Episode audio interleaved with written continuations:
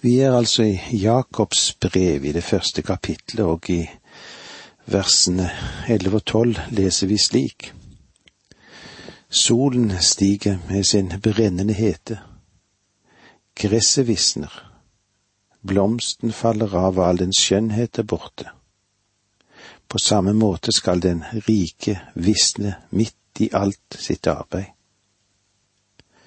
Salig er den som holder ut i fristelser for når han har stått sin prøve, skal han få livets krone, som Gud har lovt den som elsker ham.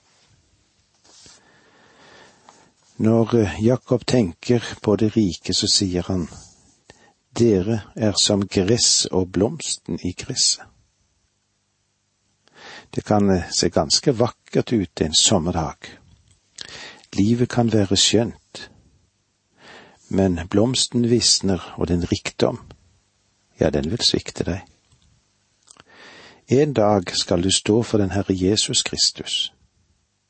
Hvert menneske skal måtte stå for hans åsyn. Den ikke-troende skal stå for Gud ved den store hvite trone og dømmes der. Også alle de troende. Det som vi òg sier er menigheten. De skal stilles for Kristi domstol. Hans bima der, de får motta livets krone. Av hvilken valør? Ja, hvilken valør måtte det da være?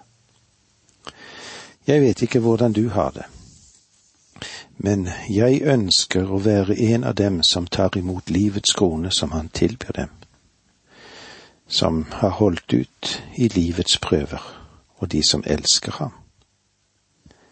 Det er noe å se frem til. Salig er den som holder ut i fristelser, for når han har stått sin prøve, skal han få livets krone, som Gud har lovt den som elsker ham. Gud prøver ikke med ondskap. Fristelse, det blir brukt på to måter.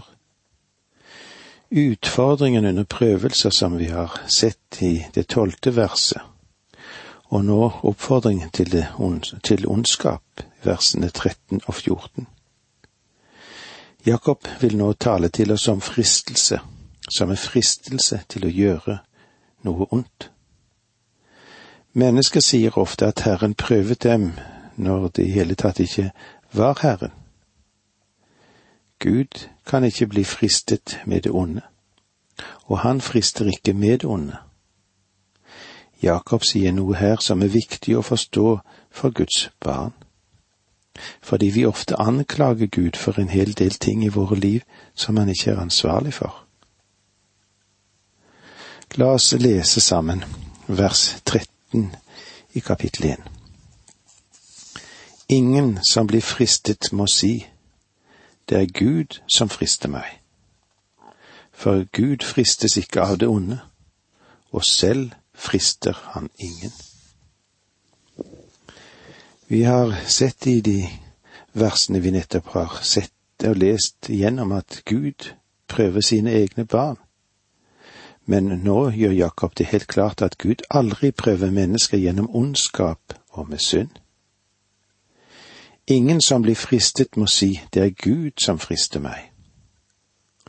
Eller kanskje vi kan si det mer bokstavelig oversatt, la intet menneske som blir fristet si, jeg ble fristet av Gud.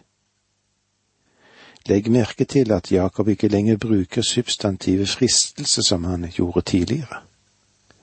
Nå bruker han verbet. Han taler om handlingen. Den naturlige tilbøyelighet for mennesker er å anklage Gud for sine egne svakheter, alle sine egne feil og mistak og kanskje tvilsomme tilbøyeligheter.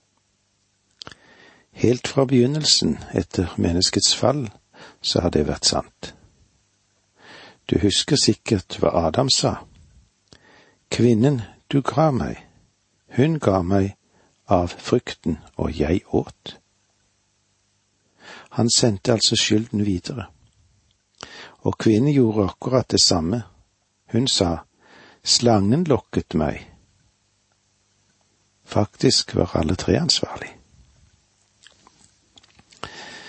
Vi hører kanskje ofte spørsmålet som dette, hvorfor sender Gud alle prøvelser på jorden? herrer, oversvømmelser og jordskjelv og tillater at barn blir drept. Vi anklager Gud i dag for resultater av vår grådighet og selviskhet og uoverveide beslutninger. Og det er på grunn av det at vi selv ofte er årsaken til det gjensvar som jorden gir oss på å bli så utnyttet som den gjør. Mennesket bygger for nær elvebredden eller strandbredden, og når elven av naturlige årsaker stiger, så kaller vi det en oversvømmelse, og så gjør vi Gud ansvarlig.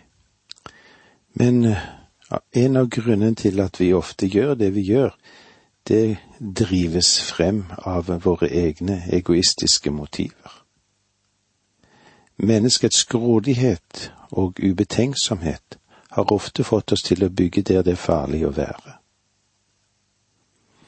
Mennesket klandrer også Gud gjennom sin filosofiske tenkning i dag.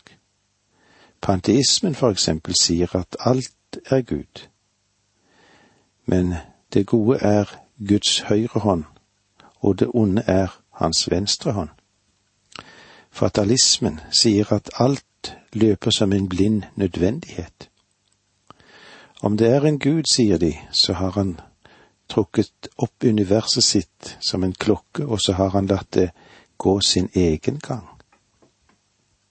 Materialismens forklaring på problemet med menneskeslekten er de høyeste drømmer og de villeste pasjoner, ja, de er en naturlig drift av en fysisk organisme.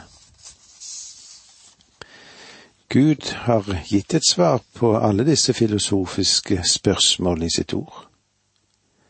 Det er ikke noe ondt i Gud. I ham er alt godhet, og alt er lys, og alt er rett. Johannes skrev det slik i sitt første brev, i det første kapitlet vers fem.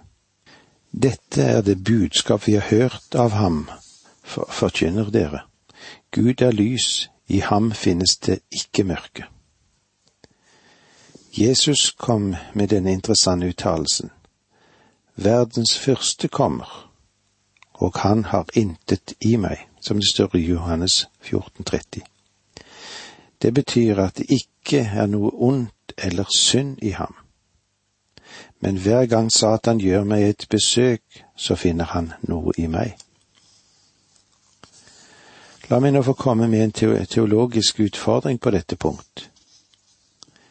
Jesus kunne ikke synde. Noen ville øyeblikkelig spørre da, hvorfor ble han da fristet? I Matteus 4,7 sa Satan til Herren, det står også skrevet, du skal ikke sette Herren din Gud på prøve. Gud ønsker å frelse oss fra synd, og han frister ikke mennesket til synd, han ønsker å fri mennesket. Han bruker aldri synd som en prøve men han vil tillate den, noe vi skal se. Den Herre Jesus hadde ingen synd i seg selv.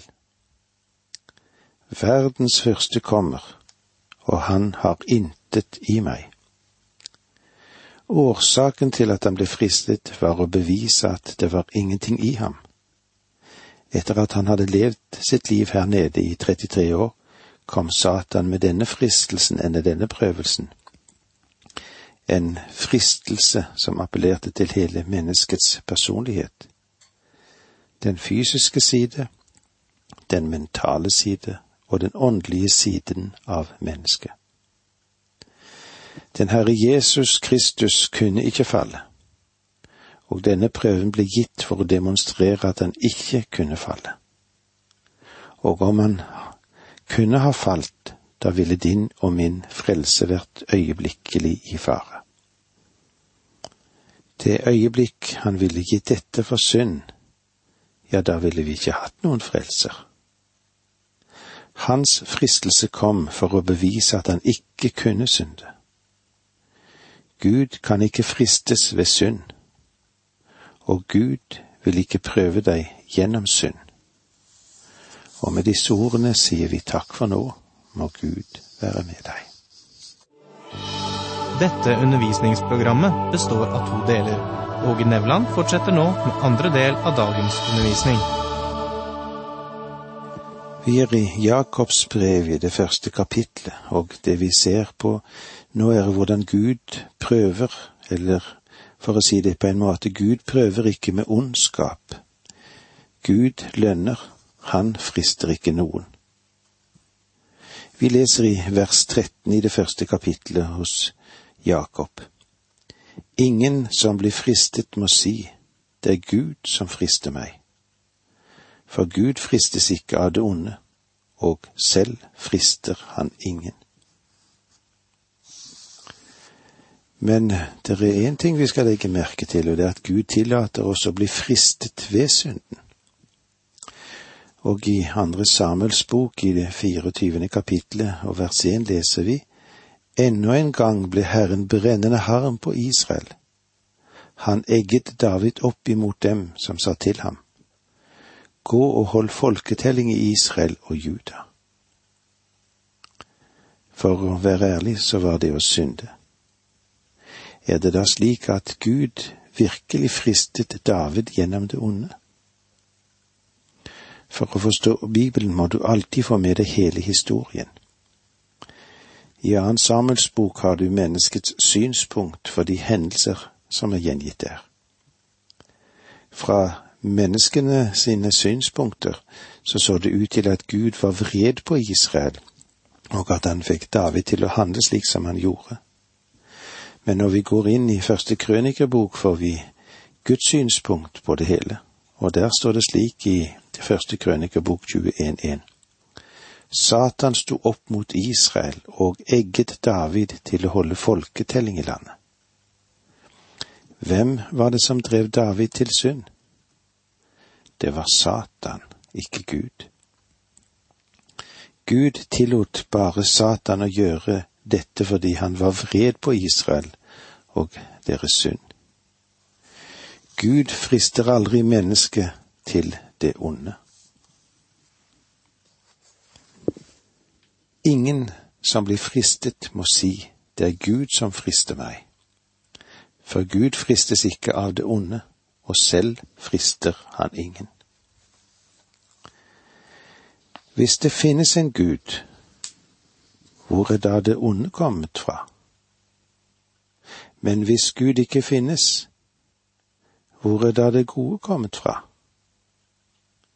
fordi vår egen naturs visdom står i direkte motsetning til, en virkelig sannhet om det som ondt er.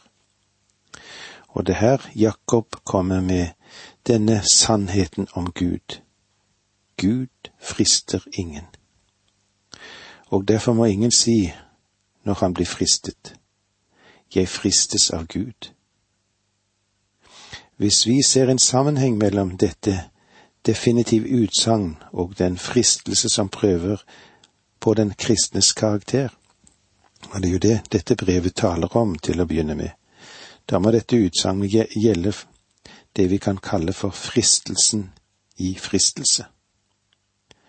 En kristen som prøver å overse denne guddommelige pedagogikk i prøvelse for Jesu navns skyld, han kan falle i den farlige fristelse og gi skylden for fristelsens situasjon. Å gi Gud skylden for det onde er å betrakte Gud som vår fiende, det. Nei, fienden er tvert imot inni oss selv, og den er inni vår falne natur og den onde lyst som vi har. Og vi må merke oss at selve fristelsen ikke er kalt for synd.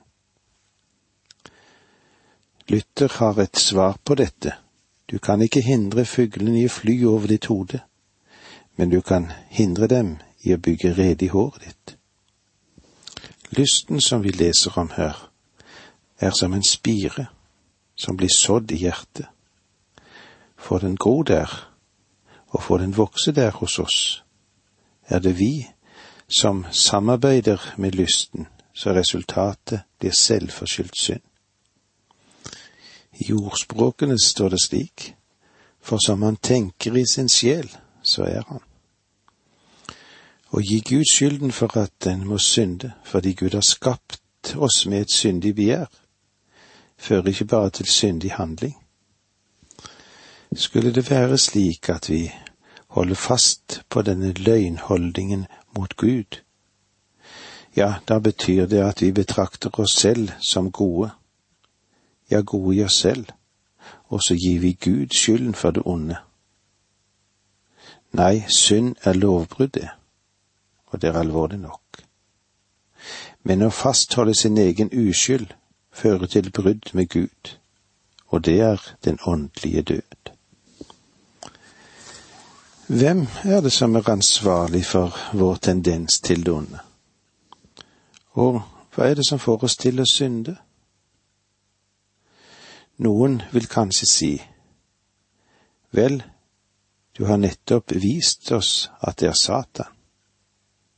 Men la oss se på hva Jakob har å si, slik som det står i vers 14 her i det første kapitlet.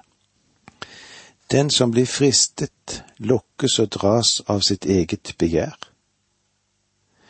Vi taler her altså om kjødets synder. Hvem er ansvarlig når du dras med og mot den onde? For du gir etter for onde fristelser. Gud er ikke ansvarlig. Djevelen er ikke ansvarlig. Du er ansvarlig. Hvert menneske fristes. Dette er den enkeltes ansvar midt i hele menneskeslekten. På samme måte som hver av oss har sitt eget fingeravtrykk, så har den enkelte av oss en moralsk natur. Vi har alle våre særegenheter og vår eksentriske tilbøyeligheter. Vi har alle noe som er litt forskjellig. Ordspråket sier det slik, slik mennesket tenker i sitt hjerte, slik er det. Innbydelsen til synd må ha et korresponderende svar fra vårt indre. Jakob sier at det er på grunn av vårt eget begjær av at du trekkes med inn i synden. Jesus sa det slik, Jeg vil dra alle til meg, som det står i Johannes 12, 32. Men spotteren sier, Han vil ikke klare å dra meg. Han vil ikke tvinge deg. Hosea sier til oss at han vil bare bruke kjærlighetens rep for å trekke oss til seg. Han ønsker å kalle på deg og vinne deg gjennom sin nåde og sin kjærlighet. For å være ærlig så er det onde attraktivt i dag, det. Det virker så vinnende. Skriften forteller oss at Moses til å begynne ble befanget opp av syndens nytelser. Mennesket kan bli forført.